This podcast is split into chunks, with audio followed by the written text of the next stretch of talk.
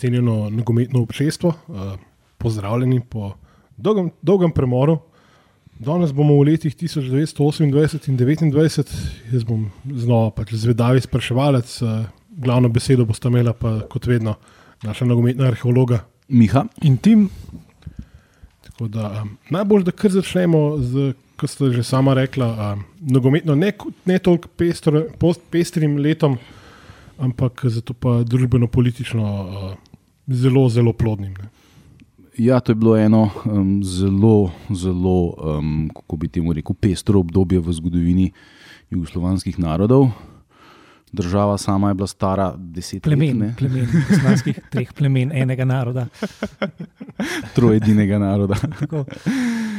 ja, um, namreč um, nerazumevanje, če, če se lahko zelo milo izražim, uh, med Hrvati na eni in Srbi na drugi strani v tej državi je doseglo vrhunc. Ne? To se je kasneje potem odrazilo, seveda, tudi um, v nogometu. Odražalo se je tudi prej, ne? se vsi, vsi derbi med građanskim Hajdukom in temi beograjskimi eh, klubi so bili vedno tudi malo nacionalno obarvani. Ne? Ampak um, kljub temu, da je bila recimo, so bile določene politične stranke prepovedane. Um, recimo komunistična partija je bila prepovedana že takoj po volitvah leta 1920, če se ne motim, ker je imela predober rezultat takrat. Ne? Zelo hiter. Ja. Ampak načeloma, če, če pač odmislimo to malenkost, ne? uh, načeloma je Jugoslavija bila um, neke vrste parlamentarna monarhija. Se pravi, bila je demokracija. Ne? Ti si lahko dejansko volil za neko stranko, uh, ki je bila tebi pogodu. Ne? Mm, ta jugoslovanski parlament je bil pa zelo kavbojski, imel si, imel si srpske radikale na eni strani, imel si hrvaške domoljube na drugi strani, vmes si imel našega preljubega eh, klerikalnega eh, dr. Korošca. Ki se je v Beogradu bolj nagibal uh, hunitarizmu, medtem ko se je v Ljubljani pač nagibal bolj uh, več avtonomije, tako da pač obračal se je po vetru, kar je, je odgovarjal v tistem trenutku. Uh, za kler. In to je bila ena zelo eksplozivna mešanica, ki je na koncu privedla do čisto prave tragedije um, v parlamentu. Ne, zdaj bom pa jaz te predal besedo. Kaj se je zgodilo junija 1928? Ja, ja, za odnose med Hrvati in Srbi si se res zelo milo izrazil. Mislim, te odnosi v skupščini so bili že prej, sploh pa pač v tem času, res izjemno napeti. Ne? Jaz sem bral te um, zapisnike teh skupščin in to je na neverjetno nizkem nivoju, to je skozi žaljenje, grožne in to čist take pač primitivne v smislu, pridem, če si upaš, vse bi vas moralo biti. Tako pač konstantno so se žalili. Že prejšnji dan je en izmed teh srpskih poslancev um, rekel, da bi morali ubiti Stepana Radiča, da dokler njega ne bodo ubili, ne bo mira. In tako, um, Hrvati so skozi lupali s stoli, da se pač ni nič slišali ne? in so pač morali skozi skupščino pa, um, prekinjati. Tako da v bistvu res stanje bilo totalno kaotično. Na naslednji dan je bilo pa tako, da je spet so pač imeli, imeli te podobne krigerije kot prejšnji dan, dokler ni pa po enem izmed, izmed prekinitev dobil besede Puniša Račič. To je bil pa ta srpski radikal. Član um, srpske radikalne stranke, tako, tako je. Drugač Črnogorc oziroma črnogorski srb. In je pač začel spet neke veliko srpske traktate, imel, ne, in med tem svojim nakladanjem so pač Hrvati ga nekako normalno žalili oziroma protestirali, in je vmes pa na neki točki, pač se, kot pravim, pač je bilo že ogromno teh um, nekih konfliktov, vmes na neki točki pa je prišlo do tega, da se je zadrl Ivan Pernar, opljačkali ste begove. To pa pač je aludiral na to, ker je um, Puniša Račič deloval, vsem, če lahko še malo o njem povem na začetek. Um, on je tako zelo zanimiv lik, um, ko je bil aktiven v Četnikih, teh, v prvi svetovni vojni, pa v Črni roki, pa v vojaški obveščevalni službi in je bil zadolžen za razne pomembne um, tajne operacije, zlasti v Makedoniji, pa na Kosovo. Ne? In tam je bilo pač res neko brezzakonje v tistem času prve svetovne vojne in po njej. In on je tudi velik, um, naj bi um, pač la, um, se obogatil pač za lastno korist z, pač pri teh svojih. Um, Račič, ne? Ja, punče Račiča pri tem svojem delovanju v teh manj razvitih delih kraljevine. Uh, Medtem ko je pa pač jasno skozi tem svojem govoru govoril, kako je on med vojno, ne vem kaj, za, za domovino in narod in bla bla bla. In, um, pač Perran mu je počital, ne oplačali ste bego in pa je bil Račič kot zgrožen, ne, da kako mora in da ne se mu opravič. Ne, da ne se mu takoj opravič. Perran, da se mu ni hotel, in pa je Puniša Račič potegnil pištolo in je kot v transu začel streljati po Hrvatih. In je um, dva je ubil, tretjega, mislim, več jih je pa ranil, ampak na koncu tri je umrl. Umrla sta Đuro Besariček, pa Pava Oračič, se pravi ta nečak. Nečak od Stjepana Ra Da. Radiča Uh, Radiča, uh, Stepan Radič je pa pa umrl kasneje v bolnici. za zaradi- posledicami. ne. Tako je. Ker um, je pa zanimiv, um, zdaj ta atentat uh, naj bi bil načeloma, naj bi se zgodil zaradi nekega izbruha jeze. Ne. Se je pa namigovalo, da ni bilo čisto. Ja, ja, namigovalo Mislim, se je- Teori, teorija zarote obstaja, da je, da, je bil, da je on deloval v bistvu po ukazu kralja. ne. Tako je. In v bistvu tudi težko reči. Da je, mislim, mogoče tudi teorija zelo sploh tukaj ni primeren izraz, ne sploh glede na to, kar Današnji, sem nas. ja. Ja. Pač dejansko zelo resna teorija tega dogodka gre pač tako, ja, da je bilo vse skupaj načrtovano. Tudi iz teh zapisnikov to se na nek način da sklepati. Še bolj zanimiv dokaz za to je pa um, pričevanje v spominih od osebnega tajnika od Antona Korošca. Ki je napisal, da je bil en večer predtem um, na sestanku pri Korošcu doma Račič. In sta se nekaj menila, ne pač ta tajnik ni bil v sobi zraven, tako da ne ve, kaj je, pa da je bil um, na sestanku. In pa tudi Korošec je kasneje postal premijer. Tako je. Zdaj, še, ena stvar je, ki sem jo jaz nekje zasledil, da je Korošec nekim ljudem, ki bi morali sedeti v zadnji za Hrvati, rekel, naj se malo presedajo. ne. Tako da pač te, te, zelo verjetno je, uh, mislim, ker kralj je takrat že zelo resno razmišljal, da bi on prevzel absolutno oblast v državi, da bi ukinil parlamentarizem. In uh, ta dogodek uh, je potem po šestmesečnem, uh, recimo temu interregnumu, ko, ko Srbi niso hoteli dati svojega premijeja. Pa Hrvata, seveda, niso hoteli dati in so dali pač Antona Korošca za premijeja.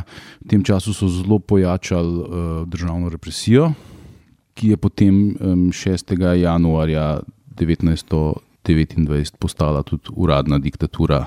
Se pravi, parlament je bil suspendiran, kralj je prevzel absolutno in popolno oblast v državi, njegova oseba je bila nedotakljiva in um, Jugoslavija uh, je postala neke vrste enopartijski režim. Ne. Kralj je rekel, da sada između kralja in naroda ne može in ne sme biti posrednika. Tako, tako. Mogoče še to čisto mm. zanimivo, da je Račič pa bil obsojen na 20 let, ampak je to izgledalo tako, da je živel, da je dobil cel štuk vile. Od upravnika zapora, torej sploh ni bil zaporom, bil kar v svojem nadstropju te vile in je imel tri zapornike za osebno strežbo. Ja, zelo, zelo, zelo hudo so ga kaznovali za ta za, za dvojni umor, oziroma trojni. Ja, Vi- Sorry, vidim, odkje je nek kolumbijski gospod eh, iz uh, druge polovice 20. stoletja dobil uh, navdih za udobno bivanje v zaporu. Ja, zdaj kaj pa nogomet. Ne? V, tega pol leta se je pač tudi pri nas marsikaj dogajalo, res da v senci pač izredno, izredno napetih eh, odnosov v sami državi. Ne? Prav, se pravi, policijska repres- represija se je blazno povečala, ampak eh, vseeno, futbol se je igral. In tudi eh, recimo temu, da smo imeli, um, kako bi temu rekel, nek nastop protoreprezentance slovenske. Ne? Eh, takrat je bila pač navada, da so te, kako bi temu rekel, um, lokalne zveze, ne, se pravi Ljubljanska nogometna podzveza, imela svojo reprezentanco. Ne. Vsake toliko časa je igrala, kakšno, temu smo rekli medmestna tekma, čeprav dejansko ni bila med dvema mestoma. Ampak med dvema regijama. Ne. In, um, najprej so imeli izborno tekmo med uh, reprezentanco mesta Ljubljana in reprezentanco mesta Maribora, in so igrali med sabo, da so videli, približno, kje so kako dobri, pa so pa iz tega izbrali čisto pravo, recimo temu slovensko reprezentanco, ki je potem igrala uh, s celovcem. Ne. To, je bila neke vrste, to naj bi bila neke vrste reprezentanca Koroške. Ne. Čeprav uh, predstavljal, pa, predstavljal pa mislim, da je samo en, sam klub Kac. Jaz mislim, da je bil Kac takrat najboljši. Ja. Medtem ko uh, ta reprezentanca LNP, pa za razliko od prejšnjih časov, ko, ga, ko jo je v glavnem predstavljala prva enesterica Ilirije, ne, je bila dejansko ekipa, ki je bila sestavljena iz večjih klubov. In, um, Ja, se še spomnim, mislim, da so bili skoraj samo delirije, tokrat pa res jih je bilo, Mhm. um, se piše, kako je, mislim, da šest Ljubljančanov, pa pet Mariborčanov, nekaj tako je. Ja. Se boš prebral, postavil. Uh, ja, če, če najdem. Aha, to je tole. Ne? Podsavezna reprezentanca v sestavi Jančigaj, Pleš, Unterreiter, Zemljak, Kirbiš, Košenina, Jug, Vodeb, Oman, Pavlin in Bertoncel se je pokazala v prav dobri luči. so rekli. Zdaj, če pogledamo, Jančigaj je bil vratar od Primorja, Pleš je bil. Delirije. Je bil Delirij Branilc, Unterreiter je bil takrat še v Mariboru. Ja, mislim, da. Kasneje je prestopil v Ilirijo, ko je pač verjetno dobil službo v Ljubljani. Mhm. Pol tem krilci so bili Zemljak, Kirbiš in Košenina. Zemljak je bil tudi iz Primorja, se mi zdi. Ja. Medtem ko sta Kirbiš je bil iz Maribora, Maribora, pa Košenina iz Ilirije. ne. Kjer bi še upal znati, mogoče kdo poznal iz Maribora, trener po vojni, Vrnika. A Pepo. Je bil tudi, mislim, da je on bil v teh kvalifikacijah slavnih eh, leta 60. A ja? Ko se je spremenila zgodovina mariborskega nogometa zavedno. Košnina je bil pa iz Lirije. Ja. Ja. No, pol uh, centarfor je bil znani Otto Oman, tudi Ilirijan. ne. Eh, levo krilo je bil Pepček Bartoncel, ki je bil takrat tudi v Mariboru, kasneje pa je igral za Primorje Mhm. in potem preimenovano Primorje ne, v, v SK Ljubljano. Mm, Jug je, mislim, da je bil tudi od Primorja, ki je bil na desnem krilu. Vodeb pa Pavlin se mi zdi, sta bila pa tudi Ja. Mariborčana. Ja. ne. Mhm. Tako da zelo, zelo pisana, lahko rečemo, da dejansko slovenska reprezentanca. Mislim, da, da v tistem trenutku, če odštejemo našega legionarja v Romi, ki se pravi na reki rojenega uh, slovenca, uh, joj, se, se ne morem spomniti, Vovk, mislim, Volk, da ja. Rodolfo Vovk. Lupo. Ja, eh, če, če njega odštejemo, so bili verjetno najboljši slovenski nogometaši v tistem trenutku. Ne. Kar se je odrazilo tudi v rezultatu, ker so celo, celovško reprezentanco oziroma korošče premagali z 8-1. Ja, se ta celoški futbol ni bil. A se bomo zdaj zmr zmrdovali? Ne, ne, nad mislim- spektakularno zmago. Spektakularna zmaga nad težkim nasprotnikom, nad uglednim, renomiranim nasprotnikom. Bitka dveh slovenskih mest. ja, se tega, tega so nam vkrali leta osem- 1918. Em, Je pa treba omeniti, da pa kralja ni bilo več. Ne? Mi smo v prejšnjih Ja. epizodah, če se bosta naša poslušalca spomnila, smo um, vsakič obdelali tudi vsakoletni kup kralja, pokal kralja. Ne? Um, ki pa z, z letom 28 ni bil več um, aktualen, oziroma so ga ukinili. Ja, manj, mislim, ne. da celo so še neki žrebali pare, ali kako, ampak igrali pa niso. Ja, verjeten, zelo verjetno zaradi, ne, če bi prišlo do pač tekme Zagreb-Beograd, vprašanje, Ja. kdo bi potem zagotavljal komu varnost in kje bi bila tekma. Ne? Ja, ja. Pa Je mogo, bil pa kup uh, LNP za Aha. 28 let, ko ga zadnjič nismo um, obdelali. No, pa ga obdelajmo zdaj. Sej um, realno ni bilo spet nič, nič uh, spektakularnega.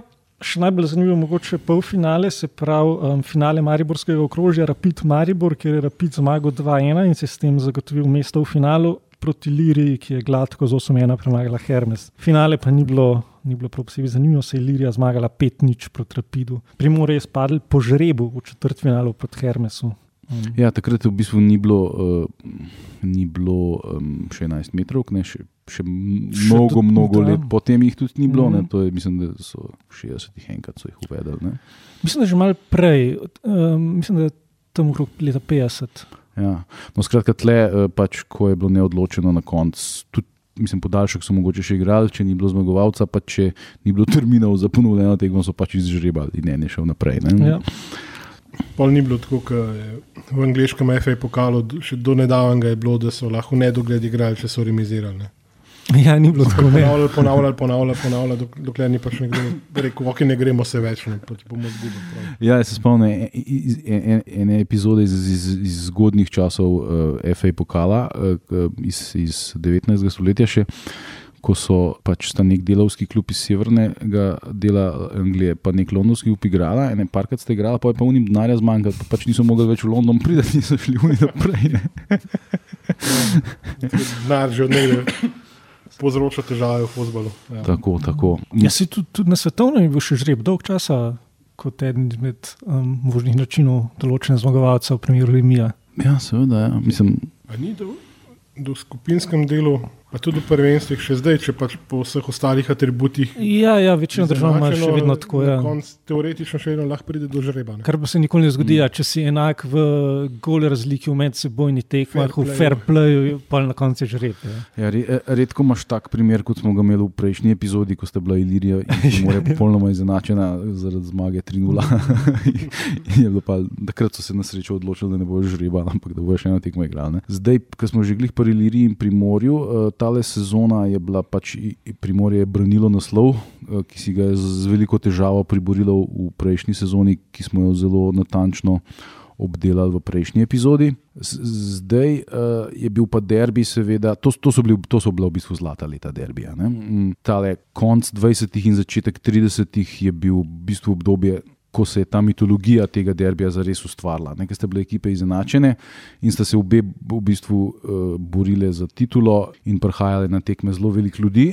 In je bil to pač osrednji, um, ne samo športni, ampak recimo temu tudi kulturni dogodek v Sloveniji, ne samo v Ljubljani. Ne? Tako da bi jaz zdaj posvetil mogoče še malo temu prvemu derbiju v jesenskem delu sezone 28-29, ki ga je Primorje dobilo na domačem igrišču, če se ne motim, z 5 proti 4. Se pravi, zelo um, veliko golo je bilo. Rezultat je mogoče mal vrljiv, ker sodeč po poročilu je bila Ilirija v bistvu boljši nasprotnik. Ampak Primorje je nekako vse na koncu bilo malo bolj konkretno pred golom in je pač zmagalo 5-4. um, je pa problem nastal po tekmi. Ilira je bila namreč blazno užaljena zaradi tega poraza in je se v bistvu pritožila, imela je pač pod kontrolo Ljubljansko nogometno podzvezo, se je pritožila, da, da je pač rezultat, ne vem, ne, ne, nek problem so najdli, da, da se je sodnik zmotil ne vem čem. Sodnik je bil pa član Rapida, Mariborčan, um, Frankl. Je Frankl, ja. ja um, Frankl. Ernst Frankl. Tako, um, ki, ki ne bi bil, seveda, neutralen. Um, prav je Primorje smatralo, da ni neutralen ne, in so zahtevali drugega sodnika. Ampak, Kar je zanimivo, ker Primorje je bilo ponad uh, v relativno dobrih odnosih z Rapidom. Ja, zanimivo. Mislim, uh, v vsakem primeru niso bili zadovoljni. Mislim, Frankl je tudi en, 11 metrov kot usodil za Primorje. Eh, to so se recimo pritoževali, pa, pa to, da so, da so bili gledalci preveč glasni. A se pravi, pred tekmo so se pri, pri Primorju pritoževali nad sodnikom, po tekmi pa pri Liriji. Ja. No, in pol je, pol je ta Frankel, ko, ko se je Lirija pritožila, je pač zraven priložila še Franklovo izjavo, v kateri je on eh, eksplicitno rekel, da so bili gledalci preglasni in da so ga motili in da se je zato on pač hm, zmotil pri 11 metrovki. Recimo, no, pa je pa seveda na to pa odgovoril, potem, mislim, potem je dejansko Ilirija dosegla, da je bila ta tekma razveljavljena ne? Eh, na prvi stopni. Ne? Potem je seveda Ivo Sancin, predsednik Primorja, napisal eno zelo jezno pismo na, na jutro, jaz mislim, da ga imam tlele. Ja, ja, gospod urednik, uljudno vas prosim, da objavite v sportni rubriki vašega cenega lista naslednjih par vrstic. Ne? In tle on zdaj pol, jaz to seveda ne bom vse bral, ker je zelo dolg članek, ampak mislim, zelo dolgo pismo, ki se konča z izvolite sprejeti, gospod urednik, izraze mojega odličnega spoštovanja v Ljubljani dne 19. oktober 1928, Ivo Sancin. On v tem, v tem pismu javnem se obregnejo vse te uh, ilirijine, kukar. Um, ja, ilirijani so kao trdili, da, da, da, um, da so se primorjani skozi, primorjaši skozi pritoževali nad sodnikom, on trdi, da je bilo njih obratno. In tudi, da, uh, da se je sodnik gibal več ali manj samo na severni strani stadiona. Včasih je dejansko bilo tako, da so se sodniki niso laufali z igro, ampak stavil nekje približen in, in gledal oddelač. Takrat še nisem mogel kuparja delati. no, in da se je v glavnem gibal na severni strani stadiona, kjer so bili drugi ilirije, ne, se pravi, navijači ilirije. E, tako da, če, če ga je publika motila, ga je motila ilirijanska publika. Ne.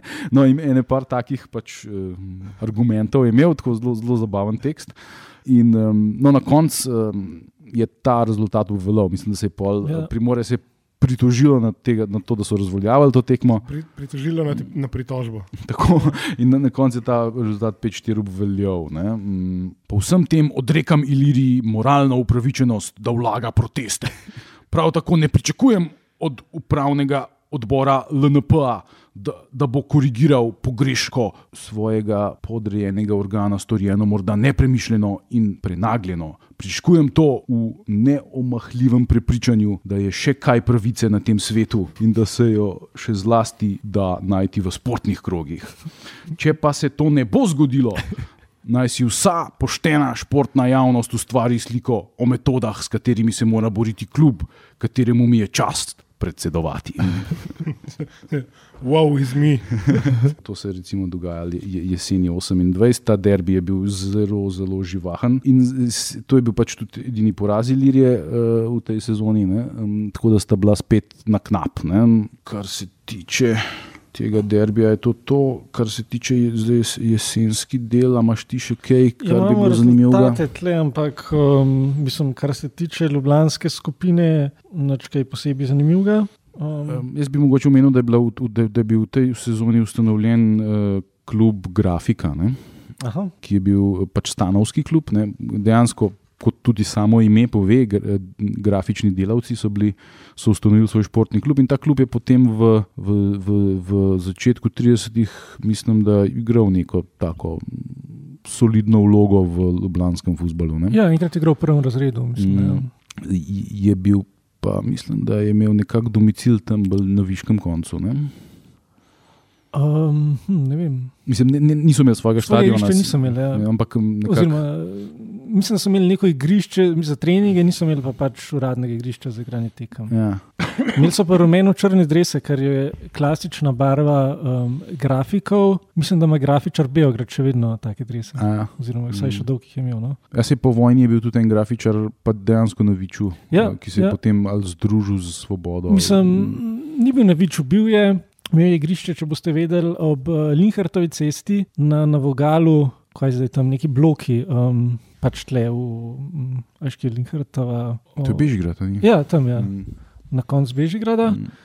Ampak ono igrišče je bilo zelo, zelo, um, zelo slabo, oziroma neprimerno za nek resen nogomet. Grafičar je bil pa dosti močen po rezultatih. Takrat je bil precej uspešen, je zmagal tudi Ljubljansko primorsko ligo in ni imel dobrega igrišča. Aha, zato so se pa Ja, med drugim je bilo tudi kao združili. ne? To, da je takrat zveza odločila, da morajo biti igrišča travnata. Um, jaz sem imel, veliko je imel takrat probleme, ker so dejansko še igrali na, na Lešu in se je pa združil s Svobodo leta 58, grafičar in se je preselil na Vič. Ja, ker Svoboda je pa takrat že imela slavni športni park Svoboda. Tako je. Ja. No, ampak zdaj smo res. um, ja. z- Ampak ja, recimo. Ampak je bil nek duhovni, recimo, naslednik te predvojne grafike. bil, ja. recimo, ne. Mm, eh, Sej te, eh, u- mislim, grafika, pa um, ta svoboda, se pravi ta delavski klub Svoboda. Ne, ne, ne govorim zdaj o Viški svobodi, ampak o, tej, tem predvojnem klubu. Teh pač, svoboda je bilo zelo popularno ime za klube. Um, je bil, uh, oni so imeli v tem času, recimo, po moje, kar resne probleme.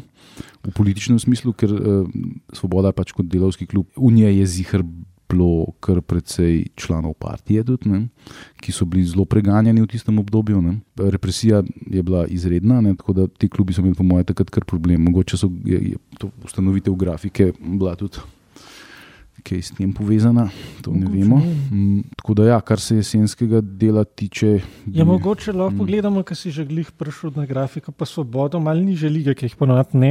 Um, Dajmo. In sicer v Ljubljani je prvi B razred. Ne? To je to, kar danes, da daš drugi ligi ime prva liga. Ne? Se pravi, prvi B razred, torej dejansko drugi razred, so igrali Svoboda, Reka, Krakova in Slavija. Mhm. Zdaj, če mogoče povemo, Svoboda je pač ta, ki sem jih kar govoril, Ja. to je ta delovski klub. Uh, Reka je imela doma, domačinstvo tudi nekje na Viču. Ne? Na Viču za Milarno. In to smo po dolgih, dolgih raziskovanjih um, z, z muzejem športa smo ugotovili na koncu, ki je bila ta Milarna in ki je bilo to igrišče približen. Mhm. In sicer je bila na um, področju nekega podjetja, ki smo imeli Žičnica. Mhm. Žičnica Ljubljana, ne vem, a dela Žičnice ali kaj, to je približno tam, kjer je danes knjižnica Vič. Aha, tam okay. Se pravi, tam zadnji, za to knjižnico Vič. ki so zdaj oni bloki. Ali kaj? Ja, ja, Mhm. tam je bilo to igrišče od reke. Praktično ob Tržaški. Torej. Ja, ja to je vse se je imenovalo igrišče v Tržaški. Čakaj, pa kjer je dva kluba sta šla? Krakova, hm, tvoj predel, Ja. pa, pa Slavija, Slavila pa iz Vodmata. Mhm. To je pa tam. To je pa ESA, da v predel. ja. Um, S tem, da mislim, da Svoboda, kako pa Slavija niso imeli svojih igrišč ne, ne. Zdaj, uh, Krakovo je bil pa en tak zelo, zelo miniaturen klub. Ja, ja. Mislim, Um, ostali. Ja. Ta Slavija je bila pač neki cajt pomembna v prvi ligi, ki so jo ti, tistih sedem ena z Ilirijo, ja, ja. ki so hoteli uh, ungol, da se ukine in da je Tako, Ilirija ja. prvak. Ne. Um, drugač pa, kaj pa, kaj pa, uh, pa Jadran Hermes, pa te so bili vsi v prvem razredu, ja, Slovan še- tudi, kaj? Tudi, ja, pa je bil pa še pazi drugi razred, se pravi dejansko tretji razred. Ne, Samo če imamo tudi, a tudi imamo, evo ga. So bili pa trije klubi, se pravi grafika, natakar in panonija. Ne, so bili Mhm, pač no. bolj mladi klubi še takrat. Ja, to, to, na takar je bil tudi stanovski klub. Ne? Kot Ja. ime pove, to dejansko so ga ustanovili na takari, svoj nogometni klub. Ja, ne. ja. Panonija je pa, je pa bila v zgornji Šiški doma. Ne? Ja. Pač to igrišče Panonija, ki se še danes imenuje tako, je bil, bilo igrišče od tega kluba. Ne? In um, na takar se pa mislim, da pa združil s Krakovim, če se ne motim, oziroma z ja. enim od teh klubov. Ja, se to so bili klubi, ki noben od njih ni pol prav dolg več. Seveda, ker niso imeli neke pomembne vloge Ja, v slovenskem nogometu. Je, bilo pa, je pa zanimivo, ne? to je že tle, koliko imamo, sedem klubov. Ja, pa še v prvi ligi pet, ne? Ja, So so prav 12, 12 12 klubov v v Ljubljani. Ljubljani. ne. Leta 28, to je kar veliko. ne? Ja. Skoraj kot London. No, pa novnje pa ali stopla, ne vem, kaj je bilo, pa z njimi so že propadli. Ja, ja. E pa še mogoče tole Mariborska skupina, um, jesen je bil derbi Maribor Rapid ena nič in je bilo tudi podobno kot v Ljubljanski, se pravi, oba sta vse tekme zmagala, razen medsebojnih. Tako so bile medsebojne tekme še toliko bolj pomembne. Aha, Ja, se Maribor je bil tudi pol Mariborski prvak, ne? prvi Tudi, če SSK. gremo kar že na spomlad, je bil mm. SSK Maribor prvak, zmagal je tudi drugi derbi z ena nič, tudi spomlad. In je bil na koncu s štirimi pikami, ne se pravi, um, na vides velik, ne, čeprav če pa vemo, da obe tekmi zmagal ena nič, pa ni bilo. Ja, bilo je na knap, tako kot v Ljubljani. Tle, Ja. Mislim, da je nekako nogomet slovenski ratu. Recimo, vsaj kako to konkurenčen, ni bilo več tiste procesije, da, da se, se, se je en klub sprehodil brez problema. Ne? Mm. In potem pač eh, zimski premor je bil kratek. In um, Primorje je namreč 6. januarja 1929 uh, igralo prijateljsko tekmo z državnim prvakom, zagrebskim građanskim v Zagrebu. Ne? Zdaj, 6. januarska diktatura se imenuje po datumu 6. januarja 1929, ne? ko je kralj prevzel oblast ne? in ukinil parlament. Ne? Uh, istega dne ne, sta pač uh, najboljši slovenski in najboljši hrvaški klub igrala prijateljsko tekmo v, v Zagrebu in, in rezultat je bil 2 proti 2. In to je se takrat tretiralo kot izreden uspeh Primorja. Čeprav je bila samo prijateljska tekma, igrišče je bilo zasneženo, iz razmere so bile izredno slabe, ob, oboji so, so jim manjkali ni igralci, recimo Primorje je igralo brez um, Jančigaja, prvega vratarja in tudi slovenskega reprezentanta, ki smo ga prej omenili, ker, je imel, ker je imel službo v, ne vem kaj, službo je dubo ali v Celu ali v Mariboru ali kje. In se je preselil, je sicer še ostal zvest pri morju, ampak ni pa mogel nič na vsako tekmo priti, tako da je bil tle rezervni ter Anžlovar, ki je potem popil dva zelo glupa gola. Um, ampak so pa um, te malo bolj um, nepristranski hrvaški mediji so zelo pohvalili Primorje. Te bolj prograđanski so se pač izgovarjali, da je bila neprim, ne, nepomembna prijateljska tekma, da se građanski ni prav zelo trudil. No, ampak eh, v Sloveniji se je pa to, mislim, se je pa to tretiralo kot izreden rezultat, ker pač v Zagrebu je ponavadi, ponavadi so slovenski klubi visoko izgubljali. Ne? In, in tudi ta reprezentanca LNP je proti zagrebskemu uh, NP-ju ponavadi gladko izgubljala. A to ki so pa še par dni objavljali članke, te sneki. Ja, ja, ja, ja. Primorje v, v Zagrebu, uspeh, veliki, tralala, vse sam. Skoraj tako resno jemliš to tekmo, kot zagrebski pristranski mediji. Ne, je pa zanimivo, da je zelo malo potem, en mesec potem je recimo reprezentanca LNP-ja, ki ki jo je sestavil uh, en pač bivši igralec Ilirije in je in iz- izbral zelo malo igralcev Primorja v to reprezentanco. Ne. Ta reprezentanca je pol izgubila 7-0 um, v Zagrebu. Ne. Tako da to postavlja stvar v kontekst. Ne. Tako, dragi slovenci, nepotizem se ne splaša. Ne?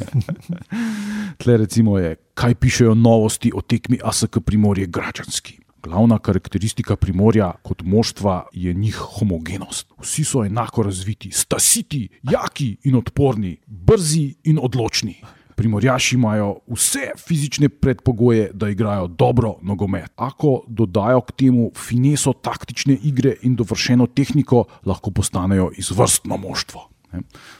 Mislim, da novosti pač niso bile prograđanski. Skratka, ja, to se je dogajalo, pač nogometna tekma, ki je v Sloveniji vzbudila tudi veliko pozornosti, se je dogajala torej na dan, ko, je, ko so se zgodile, kot piše tle, naslov, naslov, osnovne spremembe v naši državi. Ne. Ustava ukinjena in nadomeščena z zakonom o kraljevski oblasti in vrhovni državni upravi. Vladarjev manifest narodu, imenovanje nove vlade, narodna skupščina razpuščena, sprememba zakonov o zaščiti države in otisku, razpust oblastnih in občinskih samouprav. Doktor Maček v novi situaciji, doktor Maček je potem naslednik od Stjepana Radiča, najpomembnejši hrvaški politik kasneje. Eh, zdaj, zakaj mi te politične stvari usporedno z, z, v nogometnem postkasu umenjamo? Zato, ker je to res odločilno vplivalo na bližnjo prihodnost eh, nogometa v državi, ker se je potem posledično tudi eh, sedež nogometne zveze Jugoslavije iz Zagreba preselil v Beograd, nad čimer Hrvati seveda tudi niso bili prav nič navdušeni. Ne? In posledično potem je bilo tudi jugoslovansko sodelovanje na svetovnem prvenstvu leta 1930 izredno ukrnjeno, ne? ker je to bilo vse posledica teh eh, političnih zdrah. Ne? Z januarjem 1929 se je začel v Jugoslaviji eh, res vse. Mislim, že prej, že prej v bistvu. Ta država ni bila zares demokratična, um, bili so ogromni problemi, tisk pa je pa vsem bil do neke mere svoboden. Ne? Potem, uh, po 6. januarju, ni bil več. Po, potem so ustanovili uh, prav agencijo, ki je kontrolirala uh, medije, tako da so zelo, zelo, zelo um, pazili, kaj se lahko objavi, o čem se lahko piše. In tako naprej. Tako da razen kakšnih blaznih hvalospevov kralju, ki je dosti drugega v, v medijih, na to temo ni bilo. Ne? Je pa. Je pa ja, Vsaka podobnost s sodobnim svetom je zelo naključna. Je pa zanimivo, da um, so zaradi kaotičnih razmer v državi, recimo, tudi zahodne države, ki so bile vse recimo, temu demokratične, recimo Britanija, Francija, ne, um, tudi Češko-Slovaška, ki je bila takrat ena najbolj demokratičnih držav na svetu, ne, mogoče ena redkih, ki so imeli dejansko demokracijo. Ne, um, ker so pač te kolonialne sile pač izredno represijo izvajale izven matice. Ne. Britanci in Francozi so recimo nekako uh, tiho podprli ta ja, se, se, levi udar. Ne? Predvsem zato, ker, je, ker so imeli pač veliko naložb tukaj. Ne? V Jugoslaviji je bil pač kapital večinoma tuj. Mm. In tudi recimo nova ta država, ki je bila, kot si rekel, nekako tako. Ko bi rekla, avtoritarna, fašistoidna, ne, si je pri svojem vladanju naslanjala na kler, policijo, vojsko, pa vele kapitalne. Tako, kot mora biti. In, in slovensko politiko, ne, to je zanimivo. Ja, ja, Prvo stajo vrhova slovenske politike, tako liberalni kot katoliški vrh, za razliko od. No, katoliški sploh, ker je bil Korošec pač ja, ja. direktno upleten v vse to. Hmm. Ampak liberalni pa tudi ne. To je z njo veliko večjo podporo imela uh, diktatura v Sloveniji kot v drugih delih. Um, no, na Hrvaškem je ni imela preveč, no, po mojem. Ja.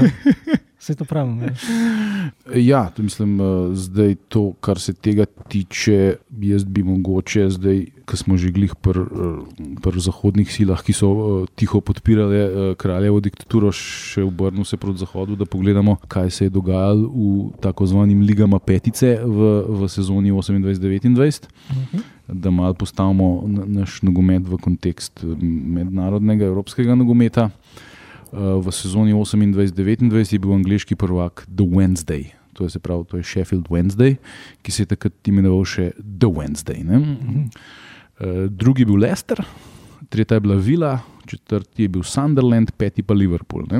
Od, uh, od velikanov današnjih, finančnih in drugačnih, je bil City je bil osmi, Arsenal je bil deveti, pa Man United je bil dvanajsti. V, v pokalu, uh, se pravi v FA pokalu, pa je Bolton zmagal, finale um, um, na starem kultnem Wembleyju, unim s tistima dvema uh, stolpoma. Ne, uh, je pred 92 tisoč gledalci premagal Portsmouth z 2 proti nič. S tem, da je Portsmouth glih za glih obstal v ligi, ne, ampak uh, Bolton je bil pa 14 v ligi. Ne, ampak FA pokal je bil. Magic of the Cup je bil in full effect. Ja, ja. Ne, pa tak- tak- Takrat, pa- takrat so ga do neke mere celo smatrali kot pomembnejše tekmovanje. Mislim, Zelo je bilo prestižno to, da si bil ti FA Cup usvojil. ne. Mm, Zdaj tudi sem finančno se absolutno ne splača. ne, Ja, ja ampak tak, takrat je bilo pa to še malo drugače. Italijani so bili eno leto stran od ustanovitve serije A, tako da so imeli na, divizione nacionale, Mhm. ampak eh, igrali so tako, kot smo že v prejšnji epizodi uh, omenili, dve grupe, enakovredne grupe A in B. Vsak je bilo 16 klubov, uh, in pa so igrali uh, nek zaključek oziroma finale. Ja, tle ni bilo več ne južne. Ne, ne, ne. Je pa zanimivo, da v grupi A je, eh, je bil prvi Torino, um, ki mislim, da je bil tudi mm, branilec naslova, drugi je bil Milan, tretji je bila Roma. V tej grupi je nastopila tudi Triestina. Recimo, ne. Mm, v grupi B je bila prva Bologna, drugi Juventus in um, tretja Breša, nastopila je pa tudi Fiumana, se pravi klub iz Reke. Ne. V finalu je pa Bologna premagala Torino in je postala um, državni prvak. V Nemčiji so imeli še vedno stari klasični sistem, ki so igrali na izpadanje, prvak je bil pa SPVGG, ki je v finalu premagal Hertha Berlin. Torej, današnji Greuter, Fürth. Jawohl. Kratice pa še zmeraj, SPV. Ja. Ja, To je Spielvereinigung, mislim, da. A ja, uh, Se pravi, igral, združenje- igral, igralno združenje. Igralno društvo. Ja. Um, ja, v finalu je bilo zanimivo v Nürnbergu, ne? Um, pred 50 tisoč gledalci. Um, mogoče kot zanimivo sploh še omenjamo v polfinalu je Herta vam vrgla Nürnberg, um, Fürth pa Breslau, to je Vroclav, ne? Um, ki je bil takrat uh, ja, ja. nemški. Um, v Franciji je na kultnem Kolombu uh, bilo 25 tisoč gledalcev, v finalu sta se pa srečala uh, Stade Olympique Montpellier. Če ti finalu to govorimo, zdaj za pokal, še vedno nisem imel lige. Seveda, ja, ja, to je pokalno tekmovanje Coupe de France, ki pač je to isto tekmo- tekmovanje, igrajo tudi še danes. ne. Uh, Montpellier, uh, zdaj to ni čist ta Montpellier, ki je zdaj, ki so vmes ene dvakrat, trikrat so mal neki po. Malo spremenjali, pa, pa ustanavljali nove klube, pa se neki združevali, ampak načeloma je, se pa to, da se pa ta štad Olimpik Montpellier teje kot um, nek Predhodnik. vsaj predhodnik uh, tega Heraulta, ki je zdaj. V finalu so premagali set um, z 2 proti Aha, nič. to je en klub, ki je naš igral, a ne? V bistvu v tem finalu sta igrala dva Jugoslovana. Za Montpellier je igral Bane Sekulič, ki je včasih igral za uh, SK Jugoslavija Beograjsko, medtem ko je za ta sete, oziroma set, um, igral pa Ivan Bek, Bek, ja. ki je igral čas za BSK? Pivica Bek, ta je pa tudi na svetovnem igral. Ja, tako je igral na svetovnem, predtem je igral pa tudi let, oziroma tega leta 28 je igral pa tudi na olimpijadi v, v, v Amsterdamu za jugoslovansko reprezentanco. V Španiji smo pa že imeli La Ligo. Um, Prvo? ja, deset klubov je sodelovalo, sprav tako kot v slovenski ligi dan danes. Igrala se je od 10. februarja do 23. junija, se pravi v enem letu se je končala. Mislim, v pol, v, v, ni bilo 28-19, ampak prav pač leta 29 mm -hmm. je bilo vse odigrano, kar pač eh, glede na to, da so igrali same eh, eh, povratno tekmo, ne tako kot mi, ki imamo štirikrožni sistem, je pač nekako logično, da so dosti hitro zaključili. Prvak je bila pa Barcelona, ne? Real Madrid je bil drugi, Atletik Bilbao je bil tretji in to so bili pač V bistvu takrat- že takrat dost. Uh, Klasično, ja. Mislim, Bilbao je bil pač takrat res konkurenčen. Sociedad je bil recimo četrti, a je igral na Arenas klub de Gečko. ja, Arenas je bil peti, eh, Atletik eh, Madrid je bil šesti, Espanol Barcelona je bil sedmi, Evropa Barcelona je bila osma, Real Union Dirun, ja. je bil deveti, se pravi še en baskovski klub, eh, zadnji je bil pa Racing Santander, ki pa je na koncu igral playoff z ne vem, prvakom druge lige ali ne vem česa, ki je bila pa uh, slavna Sevilja, vendar je Santander uh, uh, porazil um, Sevilijo in je obstal v ligi. Um, Mogoče še to, um, kar smo pri politiki, pa teh tujih ligah. Um, Jugoslav, Jugoslavijo so vrgli z Mitropa, kupa. Ne? aha, zaradi diktature. Um, ja, uraden razlog naj bi bil diktatura, ne? čeprav je, vsaj meni se zdi to tako malce za lase privlečen razlog, ker so na mestu njih Italijo povabili. Ki je bila- vrstni. Ki je bila takrat seveda pod Mussolinijem. Pod Mussolinijem se, ne. Pa tudi par let kasneje, pol, ko so imeli v Avstriji uno ustavo, ko je A, ukinila ko je stranke, pa avstrofašizem. uvedla. 1933. Ne? Ja. Mm. takrat recimo niso Avstrijcev ven vrgli. Tako da pač ta diktatura je mal tak, tak na trhlih nogah. Ja. Prednje šlo tudi zato, da so pač naši klubi bili milo rečeno slabi ja, v prejšnjih sezonah. Ne. Ja, tako da se lahko vrnemo s pomladanskemu delu. Ja, kjer je bil Prvenstva. pač spet vrhunec sezone, je bil Derby, ne, Uh -huh. ki je pač eh, tako kot v lanski sezoni eh, odločal o naslovu prvaka. Mm, Ker eh, sta imela, mislim, da je bilo celo za, z- zadnja runda to in sta igrala med sabo, pač Ilirija in Primorje, mislim, da tokrat na stadionu Ilirije. Ja, ja, to je bil zadnji krok 28. aprila. Tako in um, pač Primorje je imelo dve točke več, um, kot sem jaz bral. Je, Ampak boljšo gol razliko, tako da je Ilija rada visoko zmagal, nekaj takega. Gol količnik je bil boljši. a, oziroma, kot sem jaz, če sem prav razumel, je Ilirija rabila zmago z dvema goloma Tako razlike. nekako, ja. ne. Primorju je bil pa pač dosti že poraz z enim golom razlike ali pa remi. Mhm. Ampak, in to je bil derbi, ki je pritegnil na stadion Ilirije 3500 gledalcev, po, sodeč po poročilih. Mislim, jaz do, do, do, do, do, do tega trenutka še nikoli nisem zasledil, da bi kje pisal, da jih je bilo tok. Ne? Na kažem derbiju, ja, Ja. dvom, ja. Mislim, da je bil to najbolje obiskan derbi. Zdaj, sa, um, na tekmi, recimo um, Slovenija, Francija leta 1921, mislim, da, je, da, se, um- da se omenja številka 4 ali 105 tisoč. ne. Ja, tri ali štiri, ja. Ampak ja, to so, to, pa, to so vse pač tako, kot dan danes. Ja, pa tudi na uni tekmi se omenja nekaj številka 4 do 5 uh, proti Bsku. Uni, Ilirija, BSK ja. ja. leta 1920. Ja. Ja. Ja, ja. No, skratka, to je bila, če ni bila najbolj obiskana nogometna tekma v Sloveniji, je bila pa v samem vrhu. Ne. Ja, do takrat ena najbolj obiskanih tekem. Ja, sigurno. ja. Um, um, derbi je bil spet tako kot v prejšnji sezoni um, odločilen, in um, še celo tujega sodnika so, uh, so najeli. Prišel je, mislim, da Adolf Miš, Mhm, mhm. Miesez, verjetno se to prebere Miš, uh, iz Dunaja, ne, je prišel um, in, in po, po tekmi so ga tudi blazno. Ja, še nekaj izjave dajo. Ja, pa so za ga slovenske. blazno jih je zanimalo, ne, kot slovence, vedno zanima, kaj tujci mislijo o nas. Ne. Ja, smo dosti dobri, ja, smo dosti dobri. Um, da Pohvalite nas. We need your attention. E, Tlele bi jaz mogoče um, tale uvodni nagovor še prebral. Uh, Začetek članka v, v jutru. Ljubljanski nogometni derbi je bil letos velikomesten. Že kmalo po 13. uri so se začele valiti proti igrišču SK Ilirije na celovški cesti množice občinstva, tako da je bilo že ob začetku predtekme navzočih do 1000 gledalcev. Do 16. ure se je zbralo na igrišču nad 3500 oseb, ki so z vedno večjo napetostjo čakale na otvoritev velikega boja starih rivalov našega mesta, Primorja in Ilirije. Podsavez je poskrbel za številčno rediteljsko službo, ojačeno s četo ne vem, nekega bataljona, ki je funkcionirala brezhibno. Sprav, dejansko so vojsko. ne, Glede na to, smo že v, v diktaturi, to niti ni presenetljivo. ne.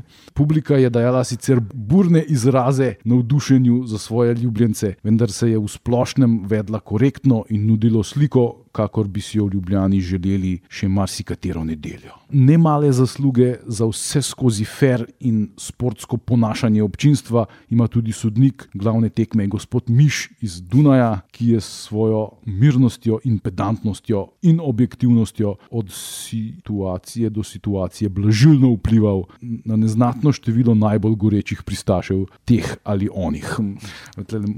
Mečken majhen je tale princ, zato se upravičujem, da, da, da sem bil mal nezanesljiv pri branju. Ampak ja, skratka, velika. Luka po editiru ni pa.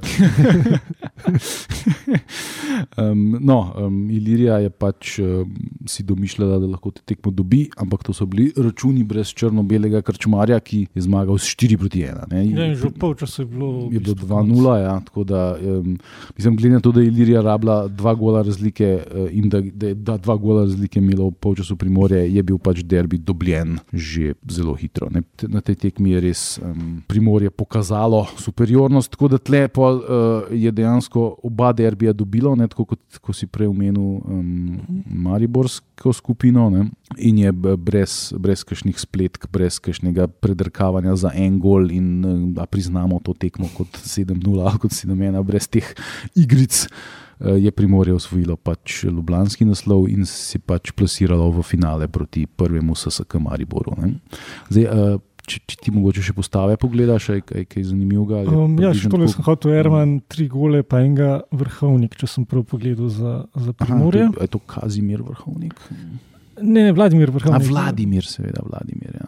Ta, ta, ki je bil potem. Bivši Lirjan, ki je bil pol ne, nek, nek partizanski neki. Ja, on je padel, mislim, da 45. Nekaj takega, ja. Mm. Postave, a jih imamo, aha, imamo. Ja. Evo, Ilirija, Kreč, Janez, Verovšek, eh, Janez je. Hajko še ni na to ali je Ne, ne, um, to je branilec, kaj je že. No, ne vem, zdaj z glave, ampak eh, to je pač en klasičen branilec um, Ilirije. Pleš, Lado, Jenko, Ice, Lado je Zupančič. ne? ja, Ice je Rihar, Mhm. se pravi um, um, hokejski vratar, reprezentančen, znan kasneje, Bergle, Soman, Dramičan in Dobrlet. Se pravi, je malo drugačna postava. Ta ne? Dramičanin je bil pač nek eh, Hrvat ali Srbin ali kaj je bil. Ja, se oni tudi nekaj za primor igral, nek kratek Je, ja, je, ja. To je po mojem mogel biti nek študent, ki je tle pač še malo brcu. Ne? Ja, nekaj verjetno, ker ker ni prišel zaradi nogometa sem. Ne. Ja, ja, to takrat definitivno še ne. Ja. Primorje pa. Ja, verjetno je Jančiga je bil v golu. Ne? Evo, ja, primorje v naslednji postavi. Jančega je Svetic, Hasel, Zemljak, Slamič, Pišek, Jug, Dolfe, se pravi Erman, Jože, um, to je to Šnica, Verjetno, ja. Vrhovnik Uršič. Ne, kot smo že rekli, radi so z vzdevki pisali nogometašov in pa je treba včasih malo dešifriranje. Ja, ja, na- načeloma smo to za, za, za potrebe knjige že vse dešifrirali, samo eh, včasih, ker je toliko teh vzdelkov, včasih, pa, oziroma kar piše Jože Janez. Sploh, ker je toliko Jože, to pa Janezov. Ja, Ampak ja, v glavnem smo to, to smo v glavnem vse dešifrirali. Ta postava primora je recimo re, relativno klasična. Ne, je, je, to je postava, ki je igrala tudi eh, še pol kasneje. ja, ja, Uh, bila in je bila postava. tudi pol osnova za, za kasnejšo SK Ljubljano čez par Mhm, let. Ne? Mm, Vpliv uh, brazilskega nogometa v Sloven- v slovenskem, v Ljubljanskem. ne, Ja. Ja, sej, eh, eni vzdelki so bili res bizarni, zelenodolski, recimo, ne? ja, ja, za, za, za Grüntala, za Grintala, ja, točno. Ja. ker je Grüntal Je- zelena je- dolina po nemško. Ja, ne. ja, točno. Ja. In je v Pa, bistvu pa vzdel, ta, eh, a veš, kaj je bil pa un, ki je bil Fajfar. Ne, je En je bil Pipan, se je pisal, se je Pipan, pa so ga pa imenovali, so ga pa Fajfar. Prav tako Fejfer so napisali po nemški. ne. um, ja, super. Tako da ja, to, to, to je bilo to, Primorje je postalo spet. Um, Ja, mogoče lestvica še, prej smo šli čez unije niže lige, da še tle vse naštejemo, vsaj Mhm. ne. Primorje 16 točk, Ilirija 12, Hermes 8, Jadran 2, Slovan 2. Se pravi, v bistvu tle bi rekel, da je ta lestvica tako dost nekako reprezentativna za kar neko celo predvojno obdobje. Ne. Ja. Prvo Primorje, druga Ilirija, tretji Hermes, četrti Jadran, peti Slovan. Ne. Mm, To je bilo nekako tako nekako je bilo razmerje moči. najmočnejših Ja. ljubljanskih klubov in neko tako je bilo razmerje. In tudi, um, tudi rezultati so bili taki. Ne? Recimo Ilirija je razen Primorja vse premagala. Ne? Hermes je razen Ilirija pa Primorje tudi oba premagal. Ne? Um, se pravi, čist, Ja, ja, mm, vse um, vse tako, kamor, mislim, ni bilo. čist realna je bila, pač če si tako Mm. rečemo. Um, mogla bi se liga skrčiti ne? na, na štiri klube, ker kot smo v prejšnji epizodi videli, so pač pustili Hermes in, in, um, In koga? Jadran, ker se niso mogli zmeniti Mm, s tistimi tekmami, razveljavljenimi, kdo, kdo bo izpadel. Ne? In je bilo zato pet klubov, pol je pa Jadran igral kvalifikacije za obstanek in je premagal Svobodo. No, ampak na koncu so ligo razširili in je tudi Svoboda napredvala, Jadran je pa ostal. Zdaj, jaz bi tle po ta derbi, je, je, eh, so pa še malo um, tega le sodnika sprašvali, pa to ne. Um, tle, tle je zelo zanimivo. Ne? Nedeljsko tekmo je sodil Dunajski sodnik Miš, zelo strogo in objektivno. Publika se je vedla zelo dostojno. Kakor je že omenil, ponedeljek je gospod Miš označil Dolfeta in Slamiča za dva izvrstna igrača. Na prvega je postal takoj pozoren, ker so ga klicali Dolfe. Gospod Miš je namreč tudi Dolfe. Tle, Tukaj pride v mem Spider-Man, ki kaže ta drugi izgled. ja, zdaj, ta, ta najbolj slaven Dolfet le še ni bil tako blazno slaven. ne. Nisem rešil. Um, Prej je imel še, uh, kako bi rekel, slikarske ambicije. ja, ne, tle je imel že kar Ja, te ambicije. že- Te je bil vmes že v zaporu. Pa to, ja. A ja, Mislim, Vse je bil, vse je bil je sam bila- še ne par let od tega, da prevzame oblast. Bila že ena grozna zavrnitev, ki je svet obrnila dobesedno na glavo. Ja. um, Sem na faks bi ga mogel spustiti, le koliko je to don simpel. No. poleg omenjenih dveh smatra pleša za izvrstnega igrača, ki ga je v igri spominjal deloma na Dunajču na Horvata. Ugajal mu je tudi ilirijanski vratar, ki da ima taktišes. Feršlo, neki. ja, njemački ne pričam baš. O ljubljanski publiki se je izrazil kar najbolj laskavo. Dejal pa je tudi, da je naš nogometni sport kot čisti amaterski na čedni višini. Je pa tle še zanimivo, um, koliko, koliko je bil dobiček te tekme. Pravi, prej smo omenjali, 3500 gledalcev je bilo, celokupni inkaso pri vseh treh blagajnah je znašal 32 tisoč dinarjev. Ne? Zdaj jaz res ne vem, kaj to pomeni v današnjem času. Če preračunamo, pa upoštevamo inflacijo, ne vemo. Ampak pol pa od tega prejme uprava igrišča eno četrtino, 2400 din je prejel sodnik za honorar in potne stroške. Ostala vsota pa se razdeli med pet enakih delov med prvorazredne klube. Ne, se pravi, ni domačin v bistvu ta denar zadržal. Na, najbolj profitira šport Ljubljana. Zdaj, predhodnik.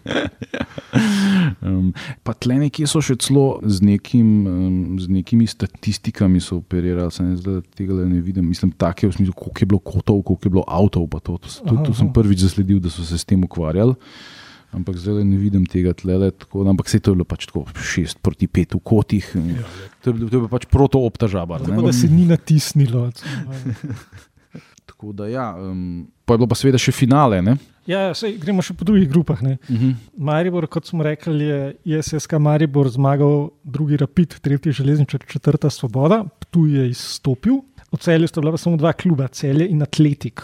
Odločila je spomladanska tekma, ki se je končala s 4-5, oziroma 5-4 za atletik športklub, pa je bila pa razdeljena in um, registrirana s 3-0. Jaz sem videl, da je to okay. tako kar se je že tudi prej parkrat zgodilo. Jaz sem edino poročilo najdel v nemškem Ciljer Cajtengu, pa bom zdaj proval malo prebrati. V nemščini, ja. V nemščini pa še v tej gotskem slogu, gotskem lusku. Dieses am Sonntag ausgetragene Meisterschaftsspiel brachte guten Sport und sah die bessere Mannschaft als verdienter Sieger. Besonders erfreulich war das sportlich einwandfreie Verhalten beider Mannschaften. Leider wurde dieses schöne Spiel durch einen ganz einseitig eingestellten Schiedsrichter arg beeinträchtigt. Endergebnisse sollen durch sportliche Leistung, aber nicht durch den Schiedsrichter hergestellt werden. Gleich zu Beginn verlegte Athletik das Spiel ins gegnerische Spielfeld in tako naprej. Skratka, če malo prevedem, ne, po zakonu o medijih moramo um, vse, kar je v tujem jeziku, podnasloviti oziroma prevesti oziroma povzeti. Res smo mediji. Okay. ja, ja, pač gre za to, da so rekli, da je minil v, v lepem vzdušju, ne, ampak da nogometni tekem ne bi smel odločati sodnik, ne, ampak bi se morali športno na, na terenu in da bi atleti od začetka v premoči in pa pač um, opisuje tekmo, ne, kako, je, kako je šlo. In na koncu je zanimiv ta del, ki se ne razumem čisto povsem. Gre pa nekako tako, da je žoga šla čez črto, pa je sodnik trdil, oziroma ni priznal gola. Um, za koga? Ja, priznal za atletik, ne glede na to, da je njim. Ampak se je atletik zmagal, ni? Ja, atletik je zmagal. Na terenu. Uh. Ja, ja, na terenu je zmagal, ampak mislim, da jim ni prva tekma 3-2, se pravi, so bili kaj to, izenačeni. Ne vem, kako je bilo. Ja, ker je bila liga dveh moštev. Ja. ja. Um, pa so ta problem rešili tako, da so. Pač atletik se je pretožval, da ni zmagal več kot zgolj 5-4. Uh -huh. No, ampak na koncu niti 5-4 ni zmagal. In v bistvu, aha, aha tako je bilo. No, atletik je odstopil od podaljška, ker je bil nezadovoljen z. Aha, in pa zaradi tega so pa registrirali 3-0. Ja, ja, očitno um, pač bi mogel se igrati podaljšek, ker se je bila prva tekma za en gol, pa druga mm. za en mhm. gol, ne, in atletik ni hotel. In, um, so, so, so zahtevali, da se prizna gol v gosteh. in se pa atletik se je pretožil, LNP je pa pa objavljal, da se protest zavrne, ker ni bila priložena protestna taksa. Frdamanen Deutscher. To so pa zametki birokrati stane. Tako da, ja. Tako da je kulturbund ostal brez svojega Smo predstavnika. Celski, celsko grupo malo obdelali, pa je bila pa še trbovljska, seveda, ne? kot smo tudi prejšnjič omenjali, da so ustanovili trbovlah. Mm -hmm. In je amater dosegel dve zmagi proti SK Trbovlje, kar pomeni, da je celje igral v kaj je to četrt finale, recimo temu, oziroma pač neko predtekmo, oziroma dodatno tekmo proti prvaku Trbovel. In je zmagalo 7-2 v Trbovlah in 5-1 doma. In se je s tem uvrstil v polfinale. Tle niso rabili zavračati uh, pritožbenih taks, da so Ne. jih naprej spravili. Ne, tle so cele spravili brez problemov naprej. Ja, Uh, no, in pol bo še cele Maribor, ne? ja se glihiščem, a veš ti, koliko je bilo? Imaš, eh, Pa ne, žal. Si ga bomo poiskali. Aha, imamo še provinco, podeželsko okrožje, kjer so nastopali slivnica iz Cirknice, javorniki za Rakeka in No, diski iz Domžal in Elan iz Noga mesta. Um, jesen sta slivnica in Rakek igrala neodločeno, spomladi sta se pa združila, tako da ni bilo tekme. Tekma disk Elan jesen ni bila odigrana, spomladi pa tudi ne, ker je disk pač predal tekmo in bila aretirana s 3 za Elan. In je bil Elan, brez da bi igral tekmo prvak. Ne, ne, ne, je Elan igral proti združenemu moštvu Javornika in, in, in Slivnice v finalu in je zmagal 6-0. In, in, in pol je igral kvalifikacije za drugi ljubljanski razred, kako je že bilo to, ali, ali ne, Ja, ja, mislim, ali tretji, ali kjer. Ja, pol je, pazi, ja, pazi to, pol je igral za prvaka drugega razreda. Se pravi, proti drugi razred je v tisku, smo prebijali grafika na takar panonija. Se pravi, res najslabši. To je bil, Tre- to je bil de facto tretji razred. Mhm. Se pravi, igral za prvaka tretje lige proti prot grafiki. Torej, klubu, ki je premagala zgolj na takar, ker je panonija Odstopila. stopila. ne. No, in je Elan zgubil pred grafiki obe tekmi za prvaka tretje lige. 2-1 pa 1 nič. Ja, sem se, a bi oni pol dejansko, a je grafika šla, pol je šla verjetno grafika v prvi B razred. Ne? Ja, ja. Mislim, drugače bi šel pa dejansko Elan. Ne vem, Ker to bi bilo po moje predrago, ne? Potencialen klub. Ja. Ja. ja. Mislim, ko bi mogel skozi Ljubljano hoditi na tekme. Ne? To po mojem čistko neki, ne vem. Ja, sam prestižno. Ja, ali kako, ne. Prestižno, zmagalec tretje lige. Ne? Če, če bi se kdo spravil delati dokumentarco o tem tekmovanju, bi bilo ne vem. Verjetno tako kot v neki klasični evropski art filmi, črno-belo, pa živa pizdarija in, in nič ne razumeš. Noben ne ve, zakaj. Šta je umetnik Time htijo, Ja, da tako kot kaže. te, ki so neko dajo na um, RTS srpski, ko so neke niže lige, če poznate. Ne. Je že Beton neka Superliga. Šljiva ranka iz stativa tanka, nekaj tazga. pač poročila iz, iz niže ligaškega. Ja, vse je zgodilo. Ja. Ampak le si, si, bila, si bilo, kaj je bilo okrožje, Eh, Podeželsko provincijo. Ja. vrhunsko, pizda. Evropski futbol, ti original. Ja. No, in pol, evo, smo pri malo bolj resnem. Polfinale celje Maribor 1-3 v celju in 4-3 za Maribor v Mariboru. Se pravi, Maribor brez večjih težav v finale. Kjer ga je pa čakalo naše primorje, spektakularno, ki je že v, če se spomnite, o, če se naše dva oba poslušalca spomnite, v prejšnji epizodi smo pisali, je bilo isto finale Primorje Maribor in je Primorje pač takrat je bila samo ena tekma, zdaj, je tudi, zdaj so bile dve, ne, v Mariboru in v Ljubljani. In takrat je v bistvu Polirija dosegla, da so razveljavili Pa prvem je Maribor zmagal, pa in so bil je bil ja. štiri dni prvak in pol ni bil več prvak. No, zdaj ni bilo nobenih dvomov. Ne. E, Primorje je namreč že v Mariboru zmagalo 7-3. Mm. In, um, in tako da celo mariborski mediji so priznali, da je bilo primorje absolutno predobro. Za, za oboji so bili pa, to, to sta bila recimo dva črno-bela kluba. Ne? Ja. Um, oboji so imeli črno-bele barve. No, treba je bilo pa igrati pol tudi še, še povratno tekmo, ki jo je pa primorje dobilo 5-4, s tem, da je v polčasu že vodilo 4-1. Tako da jaz sklepam, da se jim v drugem delu več ni dal prav zelo truditi in so Štajercem pustili malo vesela. Mhm. Jaz bi mogoče tle sam tale uvodni tekst prebral. Za prvo finalno tekmo za prvenstvo Slovenije med prvakom Ljubljane ASK Primorje in prvakom Maribora, prvi SSK Maribor, je vladalo v Mariboru izredno zanimanje. Primorje je dospelo že v soboto popovdne, kar je uverilo vsakogar, da polaga prvak Ljubljane veliko važnost za finalno tekmo z Mariborom. Pristaši Maribora so organizirali registrirano zadrugo z neomejeno zavezo pod imenom Kibic, ki je izdala deset zap- zapovedi za drukerje Maribora. Med temi zapovedmi je bila tudi točka Ne kriči po, po krivem proti Primorju. Viš, to danes ne bi šlo skozi, ne, kriči po krivem proti Olimpiji. Ne. Člani te zadruge so delili te zapovedi po kavarnah in v mestnem parku za časa današnjega dopoldanskega koncerta. Reklame je bilo več kot dovolj, zaradi česar rekorden obisk tudi ni izostal. Pozornost so vzbudili tudi kibici Primorja, ki so prispeli v Maribor v nedeljo do povdne. Sprav, tle imaš že v bistvu vse, kar uh, imamo tudi danes. Ne? Imaš gostujoče navijače, imaš pričakovanje. Ne? Um, mrzlično razpoloženje je vladalo med publiko, ki je napolnila igrišče do zadnjega kotička. Uh, no, in pa pač opisuje tekmo, v kateri je Primorje zelo zanesljivo zmagalo 7-3 na povratni, ki je še spet 4, tako da to je skupno 12 proti 7. Mhm. Zelo um, visok uh, rezultat na obeh straneh.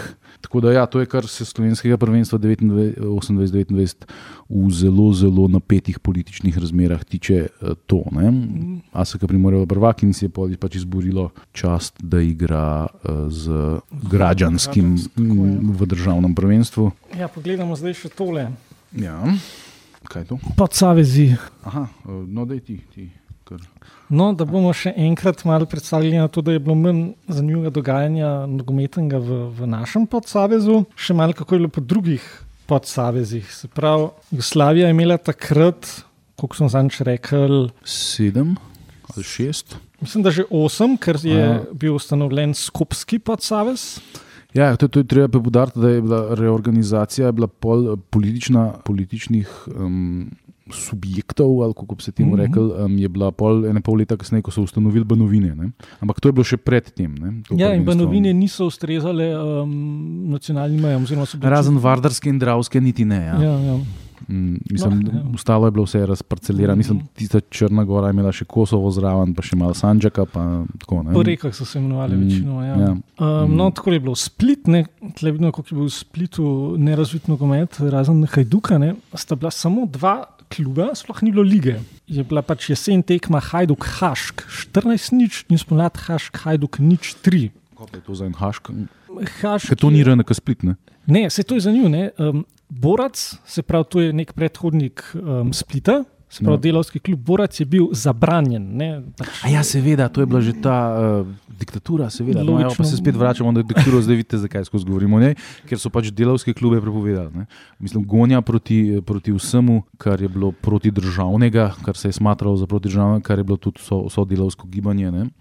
No, in ta um, RNK Split ima kot tak delovski klub, ima res zanimivo zgodovino. Tudi moram priznati, parkrat malo za lase privlečem to nasledstvo, ne, ker mm. to je bilo cel kup nekih klubov. Najprej bil anarh. Ki se kot sicer imajo za naslednike, čeprav sploh niso. Ne. Mislim, da je tudi kasneje, ko je bil Borac prepovedan, da so eni te igravci šli, mislim, da gliho Hašk. In pa, ker se je Haški nekaj preimenoval, kaj jim pa so trdili, da je to kar isti klub, čeprav so prej mm. Borac pa Haški igrali med sabo. Tako da v bistvu parkrat. Tudi kot Štajerci leta 1960. Ja, ja, parkrat niso sploh, so kar. Drug klub nekako prevzel, ko so njihovega prepovedali. Tako, mm, se pravi, mm. to je bilo vse zelo. zelo... Ja, vse kljub so ljudje. No, ja, ja, zelo okay. skvotali prazne prostore. uh, kaj je bil to akademski pol Haška? To je ja, kot Zagreb. To je verjetno Hrvatski akademski športski klub. Ne, mm. Tega Split.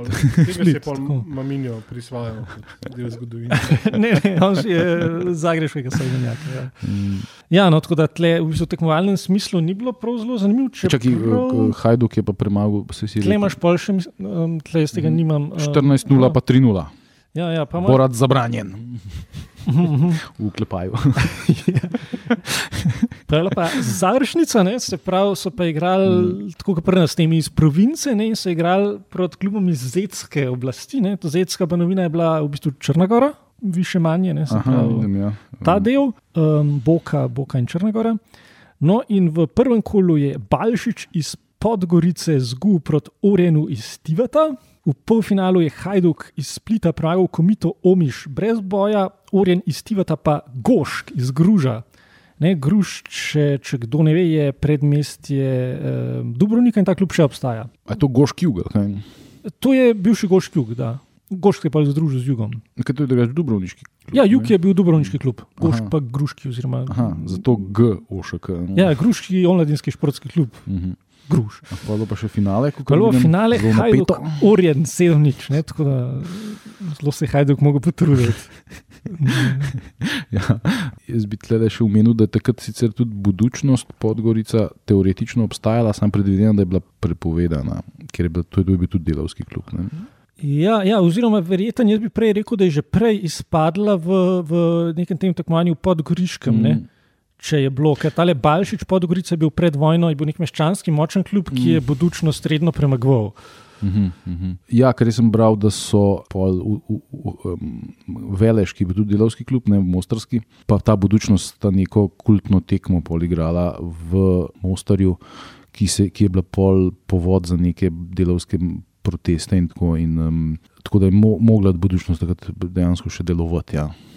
Ja, ja. ja se je drugač pred uvedbo diktature, takrat od tega pol leta je bilo ogromno enih protestov po celi državi. Ne? Ja, ja, študenti so protestirali, delavci so štrajkali, sindikati so štrajkali, ker so jih hoteli ukiniti. Mm. Bilo je, mislim, narod ni z največjim mm. veseljem sprejel te poteze njihovega ljubljenega vladarja. Ne? No, v Beogradu se je igral um, precej bolj kvaliteten nogomet, tudi klubi so bolj znani. Sicer je igral v tej sezoni šest klubov, Prvak je bil Busk iz Beograda, potem pa naprej Jugoslavija, Soko, Jedinstvo, Busk in Obilič, se pravi vsi beograjski klubi. Um, Busk pa Jugoslavija v bistvu že nekako poznamo, oziroma gre za najbolj znana. Za zvezdo in partizan svojega časa. Ja. Tako. Um, tudi stadion sta bila dejansko na mestih, uh, če se ne motim, zvezda in partizana. Ja, ja. top, top čigersko brdo. Ja. Tam, kde je tvrdo. Soko je, je um, še zdaj obstaja. Ja. Ker vem, v bistvu en uh, tale bask je zdaj to. Aha, kot bask je drugače tudi. Aha, to se je pa preimenoval kasneje. Ja, ja, tako nekako. To je bil uh, Beogradski akademski ja. sportski klub, ja. za katerega je igral tudi naš uh, Lah um, v, v 30-ih če se ne motim, skoraj sigurno sem, da je to isti klub, no, oziroma se ima za nekega naslednika. Pa ki je tudi predmet uh, tiste igrane serije, Montevideo, Boktevideo, ni noter. Sta Bask in Jugoslavija, sta, pa tudi Bask se omenja. Ja, ja mislim, oni so bili črno-beli, če se ja, ne motim, ja. in mm. mogoče so celo dali enega reprezentanta za Dumno slavno. Uh, ja, se mislim, da so v filmu, da se še imenuje Soko. Mislim, da je Golman um, njihov. Ali ni bil Golman tak, ki je poligral za Ilirijo? Mislim, da je on prvi iz tega kluba, če se ne motim. Um, kaj pa Busk? Busk, eh, busk ne vem. Beogradski, uh, ne vem. Usteški. ja, najbrž ne. Usteški, najbrž ne. Ja. It's complicated, da vsi. Okay. Jedinstvo je, eh, so bili zeleni, to je en klub. Ti so še kasneje igrali, pa so igrali v, ja. tudi v prvi ligi, mm ko je bila prva liga, ko je SK Ljubljana igrala prvo ligo. Ne, ja, ko imamo še sliko mm. SK Ljubljana iz njihovega stadiona, nek, mislim, stadiona, mm. igrišča skromen klub s skromnim igriščem. Pa še en, en klub slavnega imena je bil pozadnji. Obilič, ne, Obilič. Bivši prvak. Takrat ni imel, takrat, bivši ali bodoči. Bodoči, mislim, iz zdajšnje perspektive, bivši iz perspektive leta 28, bodoči. Ne, ne pa kaj je to dejansko ta isti klub. Ja, naj bi bil, ne, mislim, mm. jaz ne vem, kaj so pa leta 45, kako je, je gladek ta prehod pri njih. Mm. Ampak pač ta se obilič, referirajo na to tradicijo. Ki je leta 29, da je bilo tisto. Ja, takrat je bil pač Arkan. Ja, pač, ki je pod Arkanom svoj naslov, to je ta obilič. Ne. To je edini klub, ki je prekinil hegemonijo Partizana in Crvene Ker zvezde. Partizan in Crvena zvezda nista bila dosti srpska. Ne, za... Obilič je pred vojno um, tudi dokaj nepomemben klub. Mm, pa smo pa že v Sarajevo. Sarajevo, ja. Raja iz Sarajeva. Če so imeli dejansko sedem klubov v prvi ligi. Ja, kar velik, ne. Ja. Za tiste čase, ko je treba organizirati vse te tekme, pa že komi sfolgali take lige. Slavija, prvak. To je bil srpski klub. Ja, to je, bil, to je še zdaj pač znan. Mislim, no, po, obudili so ga tako, po letu 91. Obojen srpski klub, mislim, da je to najstarejši um, od teh le. Vem, ta uh, radnički športski klub Hajduk Sarajevo je bil drugi, to je bil dejansko delovski klub. Ja, to je bil klub z najlepšim igriščem v Sarajevu takrat, kar je presenetljivo, da je šlo, to, da je šlo za delovski klub. Mm. Tretji je bil Sašk, ne, ki so, s katerim so na, ja. naši žene dvakrat igrali in Ilirija in Primorje. Pač Hrvaški, ne, tudi mm. kvazi obojen. A ja? Je ta Sašk napredek, ki je igral v neki nižji ligi. Aha, dejansko kao obstaja še. Ja, ja. Um, pa pa željo, seveda. Kaj ga ni treba predstavljati? Peti Osman, to je bivši, uh, bivši Sarajevski SK, se pravi muslimanski klub, mm. ki je bil velik po, recimo, temu vem, najaški podpori, po rezultatih pa dokaj nekonkurenčen, pa Borac, šesti. Pa sedma, Olimpija. Olimpija, Sarajevo. Ja. Takrat so nekako načrtovali olimpijske igre. Ne? Uh, Pa se tudi po, po, po vojni, mislim, tej n- bosanski vojni je bil tudi um, Olimpik, Sarajevo, Olimpik, ja. ustanov, ustanovljen. Mogoče pa je- to duhovni naslednik. ja, ja. je služboval uh, tudi visoko rasli napadalec. Aha, Džerma, ja. Aha. Ne, ne, uh, A ne, Džerma je za Slavijo igral, ne? Kdo pa je za Visoko igral? rasli je bilo v narekovajih. No. Aha, kdo pa? Uh, Juvke, Jedimir Sovbegovič, mislim, da je bil. A je igral za Olimpik? Aha, wow. Še ni bil celo nek direktor. On je, kako rečem, igral za Sarajevo in bil tudi trener. Se lahko, Sarajevo. da je prišel iz Olimpika. Ja, to pa ne vem. Ja. Je drugače, načeloma sta bila največja Slavija, pa Sašk, ne, hrvaški pa srpski klub.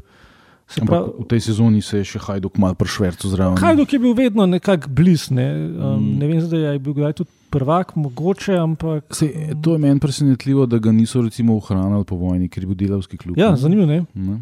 Tako kot železničarja. ne. Ker železničar je, preživel. Ne? Mm. Te dva, pač, ki sta bila zelo nacionalistično uh, usmerjena, pač so. Ja, pač Bosanci, Hrvati, Srbi so imeli svoj klub, pa so bili pa še delavski klub, je edini, v bistvu nekako bolj ne, neprofilirani Ja, nacionalno. ja. Ampak ja, se, po mojem, kjerkoli lestvico bi bil podoben, vedno so bili ti eni in isti prvrh. Pol Subotica, to smo v bistvu že precej povedali, takrat, ko je igrala Ilirija z Bačko, Mhm, če se ne motim. tako je. Se pravi, tle v tem prvenstvu Bačka ni, ni, ni bila toliko dobra, je bil prvak Sant, se pravi ta nek najbolj ugleden meščanski subotiški klub. To je subotiški, subotiško-atletičarsko, ne Ja, vem kaj, društvo. Ne. Nogometno društvo. Ja, nekaj tasga. Ja. Kaj pa je SMTC? To ne vem. SMTC je, mislim, da je nek mačarski klub, to nisem prepričan. Bačka je Bunjevački, ne, se pravi Hrvaški. Hrvaški recimo temu. Žak je predhodnik današnjega Spartaka, ne, se pravi železničarski klub. Ja, se je že današnji Spartak, je naslednik prejšnjega Spartaka. Ne? Tako, tako. Ja. Vmes malo ni bilo. Pa sport iz Subotice. Zdaj ne bom trdil za 100%, mislim, da je to ta najstarejši uh, jugoslovanski klub, A ni to bačka? ki je bil starejši od Bačke, pa če ne obstaja več. Da je bil ta prvi, Aha, prvi, ki je bil sploh ustanovljen. prvi sploh novinski klub ustanovljen v, na področju Jugoslavije. Hmm. Ampak ja, ni bil pretirano uspešen tukaj. Zadnja je bila pa Subotička električna centrala. Slaven klub. Prav, lahko vemo, um, koga so oni predstavljali. Um, načeloma, tako, tako kot smo že zadnjič rekli, um, v Subotici se je načeloma nogomet vrtel okrog treh klubov. Ne. Sand, Bačka, Žak, vsi so bili dosti močni, dosti so se menjavali na vrh, nikoli pa noben ni res posegel. v- Po jugoslovanskem vrhu. Tako. Pa smo že v Osijeku, prvi Hajduk, Osijek, Osijek, drugi Građanski, tretja Slavija, četrti Grafičar in odstopil Radnički. Se te- te pa res niso imeli um, nobene domišljije za imena. Ne? Hajduk, građanski slavi, ampak grafičar so, so druge bili. ne. Ja, ja. Pa Radnički. So v roke vzeli tisto od oblasti odobrene imena. Pa rebal. Kot je tole. Ja. Sam so bili trije hajduki takrat. ne. Eh, Hajd, Osijek, Sarajevo, Split, pa še verjetno Hajduk Kula, ne vem, je že obstajal takrat. eh. Pa mislim, ja, ne mislim, da glih še ne. Mm. Ali pa tam nekje, no, Mm, približen. Um, ja, se tle nima kaj da zapovedati. Oseški nogomet tudi ni bil glih v vrhu. Je bil pa Hajduk prvi, ne? Tle, Hajduk Osijek. Kar je presenetljivo, ne? Uh, Hajduk Kula se je, dokler je obstajal, ponašal z letnico 1925. Ne. Aha, no, Ja, pa je že bil tle. Ja. Di, hajduci, torej The Outlaws. in, in že smo v Skopju, ali imamo še kaj v Osijeku. Uh, ne, sej, kva pač. pa. Ni drugega, ne. Evo, Skopje, prva pobeda, drugi građanski, še en, tretji oh. Kumanovo. Kumanovski SK iz Kumanovega, četrta Sparta in peti Jugovič. Zdaj, je ta građanski, mislim, da je neke vrste predhodnik Vardarja. Ne? Tako je. To je taki tudi med vojno, pa še nekaj igral. je Ne? največji skopski klub pred vojni. To je bil, kot že ime pove, pač nek meščanski eliten klub, ne, ki je igral med vojno pod imenom Makedonija v, Bolgarski ligi. Ne? Tako In je. v tem tudi film v obstaja. ne. okupatorskih ligah, je obstajal ten film. In po vojni, zanimivo, ne, preživel, ne, kljub sodelovanju v teh bolgarskih ligah. Ej, Preživel ni, Vardar je bil ustanovljen. Preživel je njegov Vardar ustanovljen leta 47 z združitvijo uh, Makedonije in pobede. Aha, sprav te pobede tle, ne, ki je bila. ki je bila Ja, leta te osem- oziroma nekega njenega naslednika. Vse to, v bistvu tako je. ne, V Skopju so bili podobno kot v Subotici, trije veliki klubi pred vojno, ki so pobrali vse pač titule um, podsavezne, pobeda, građanski in um, skopski SK. S tem, da ta građanski bo najboljši, pobeda je recimo to sezono zmagala. In je tudi po vojni, očitno, ne, je bila bolj delovska, kaj pobeda je igrala v um, prvi ligi. Točno, ja. v, točno, ja. 46-47, mm. in pa se je združila z. Še Boga nafta je mogla kajati. Z građanskim, mm. tako je. Ne vem, če je imela denar, sicer, ampak je šla, ne. Ne, mogoče se kdo vprašal, kakšen. Um, velik poznavalec skopskega nogometa, kje pa je skopski SK ne, v tej sezoni. Ne. Ga pa ni, ker je bil v drugem razredu in je zmagal. Zdaj pa je, zakaj pa skopski SK pomemben? Um, ker je, kot sem rekel, en izmed teh treh velikih aha, aha, skopskih aha, klubov, aha. ki je osvajal naslove. In... Sprav, Jugovič Skopje ni bil tako velik klub. Ne, ne, Jugovič pa Spartan nista bila. Zanimiva je naslednja sezona. Ne. Ne, meni je zanimivo to, da oni, to, to je v bistvu edina ta liga, kjer je v bistvu iz še iz enega drugega ja, mesta ja, bil zanimivo, ja, klub. Kumanovski sportski klub je v bistvu pa se vozil na tekme. S... Ampak mogoče je Kumanov zelo blizu. to bliz, mislim, ne vem. Aj, aj, aj, Najbrž ne, ne mislim, Kumanov je kar veliko. Cele Ljubljani, recimo. Ja, ja, kaj si hotel reči za naslednjo sezono? De, naslednja sezona je bila še bolj zanimiva, ne, ker pač bom zdaj omenil, verjetno naslednjo sezono ne bomo šli čez podsaveze. Sicer Skopski SK, ne, kot pravi drugega razreda, zmagal tudi v prvem, po napetem. Nottingham Forest. Po. po napetem boju, z ne vem še točno s kom, trije klubi so bili zanačeni na vrh in je Skopski SK zmagal po zaslugi gole razlike. Ko je dal na zadnjih dveh tekmah, je zmagal 15 nič, pa 20 nič kar je dal več golov kot pred celi sezoni, skupaj veliko več. Ne? In, in pa so pač ugotovili, da je to pa le malo preveč sumljivo. Ne? In je Jugoslavijska zveza razveljavila celo sezono, in pa v bistvu nikomor ni, bila, ni bil priznan naslov za, za leto 30. Ne? Pa pridemo pa še do najbolj razvitega um, nogometnega mesta. Do središča Jugoslavijskega mesta. Do si, sedeža, sedeža, sedeža Jugoslavijske nogometne zveze. Tako, tako kjer so v tej sezoni igrali Hašk kot prvak, Građanski, Konkordija, Viktorija, Železničar, Kroacija, Šparta in Derbi. Se pravi, kar osem klubov, ne največ in tudi največ tekem so igrali v Zagrebu. Torej, igral je Dinamo. Je Dinamo, ja. z dvema ekipama, bi rekel. Mislim, vseh osem je ja, ja. imelo za, pred, za predhodnike. Mm. Ja, očitno je bilo zelo napeto. Um, odločal je, je gol količnik, Haški je imel 62-13, Građanski pa 62-16. Spravo, oni so imeli podobno sezono, kot smo jo imeli mi v prejšnji sezoni. Ja, ja. In Haški je bil prvak, zdaj, kar se tiče predsednika kluba, pa jih tudi že verjetno dosto. No, ampak očitno se je Građanski uvrstil v. Ja, dva sta se mi zdi uvrstila iz Zagreba. Zato, ker je pol primorje z njimi igralo. Tako, tako. Je bil pa Građanski uh, defending champion, kot pravimo. Uh -huh, uh -huh. Uh, ja, se. Za Zagreb, pa tudi to smo že večkrat omenili, oni so imeli pa tri velike klube, Hašk, Građanski in Konkordija. Ostali so bili pa pač so se trudili po najboljših močeh. Ta Viktorija je pol v kratkem igrala v neki, v začetku 30-ih, ja, je, bila, je bila v isti skupini, kot je Ilirija, pa Primorje. Mm -hmm. Železničar je nekajkrat gostoval. Je bil zmer zraven, pa in koliko je dosegel. Ampak to ni lokomotiva? Je, je, to je, A, to je lokomotiva. lokomotive. Po letu, pač leta 1945 je bilo ustanovljeno fiskalno društvo Lokomotiva kot naslednik železničarja. železničarja. Zato, da ne bi imeli s tem, kaj sarajevski železničar. Mhm. so bili pa med vojno, ker, ker um, solidni v tej ligi NDH so skozi igrali. Um. A ja, želijo ti, ali kaj? Mm. Ja, železnice vsi rabijo. Ja, ja. Vsi režimi. um, tako da ja, to se je dogajalo v jugoslovanskem nogometu v tej sezoni. Potem je pač, eh, kot smo že omenjali, Primorje igralo z Građanskim. In um, mislim, da dvakrat visoko izgubilo, zdaj da tega ni tle zraven. Ja, jaz sem nekje tle, nekje. Aha, evo jih 2. junija. Ja, prim... ne, niti ne, tle je bilo 3-1, je bilo Ljubljano.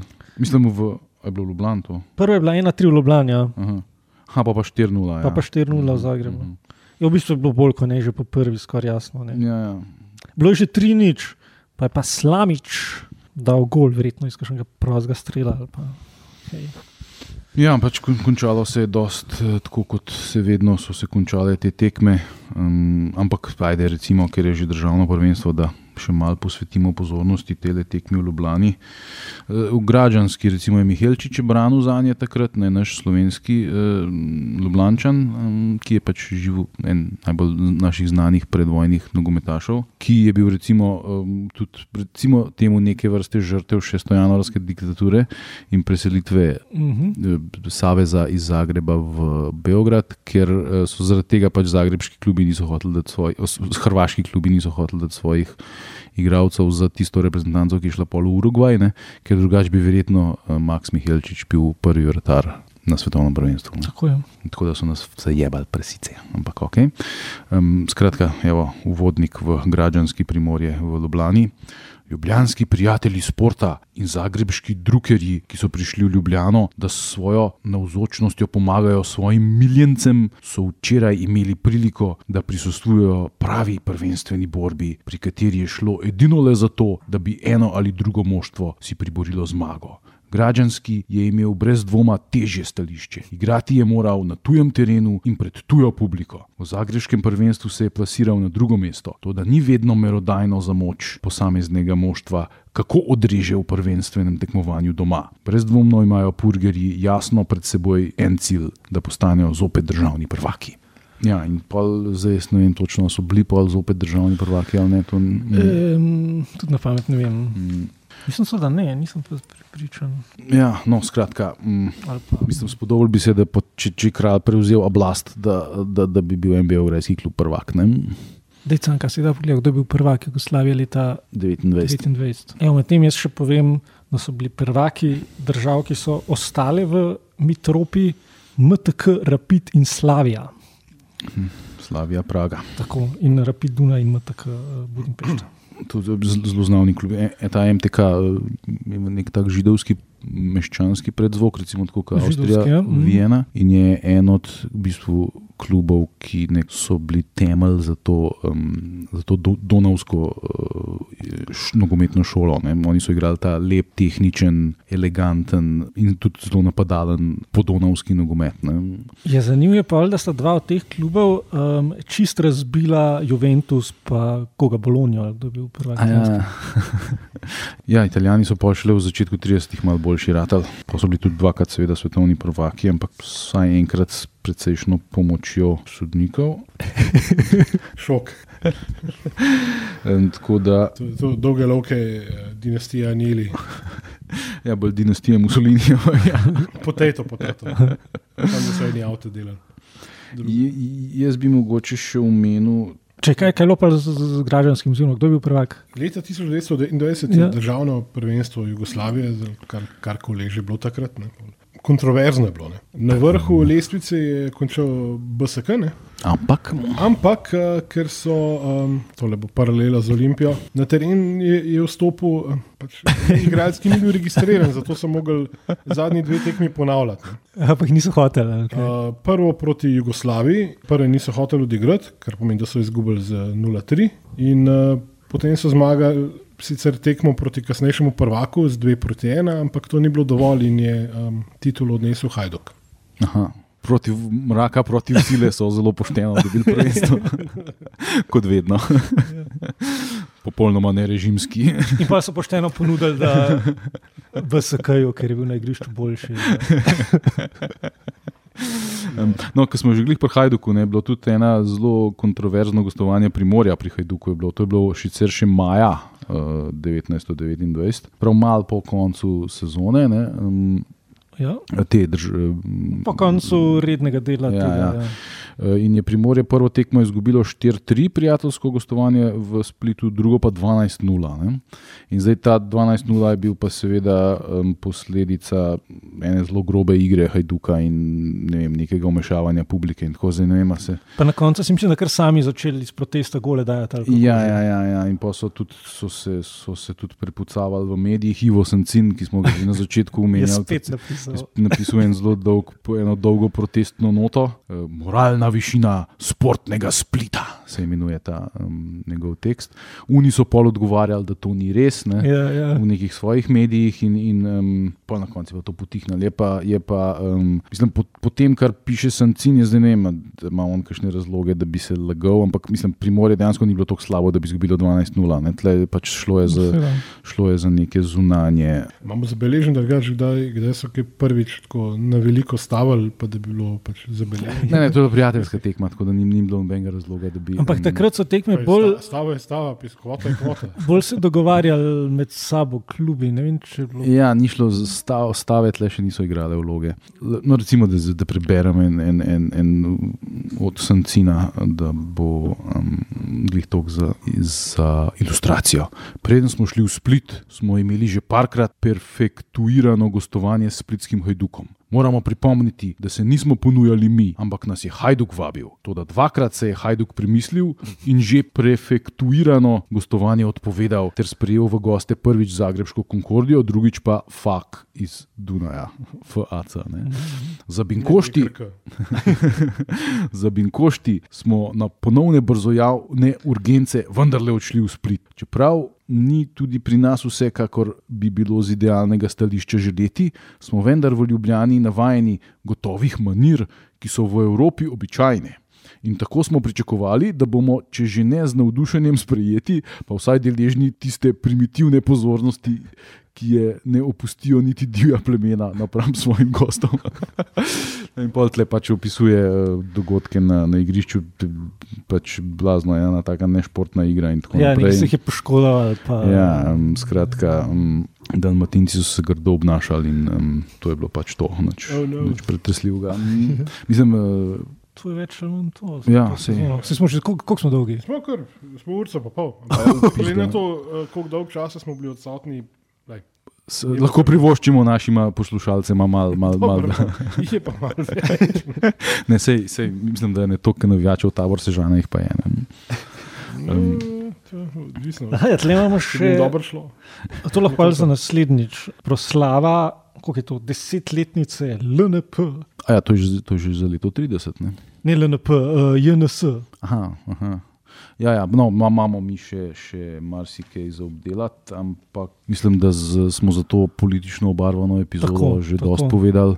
Uh, sprehodili smo se praktično po celi Jugoslaviji, tudi kar se nogometa tiče. Uh, tako da jaz mislim, da bi, da bi bilo to za danes kar dost. Ne. Tako.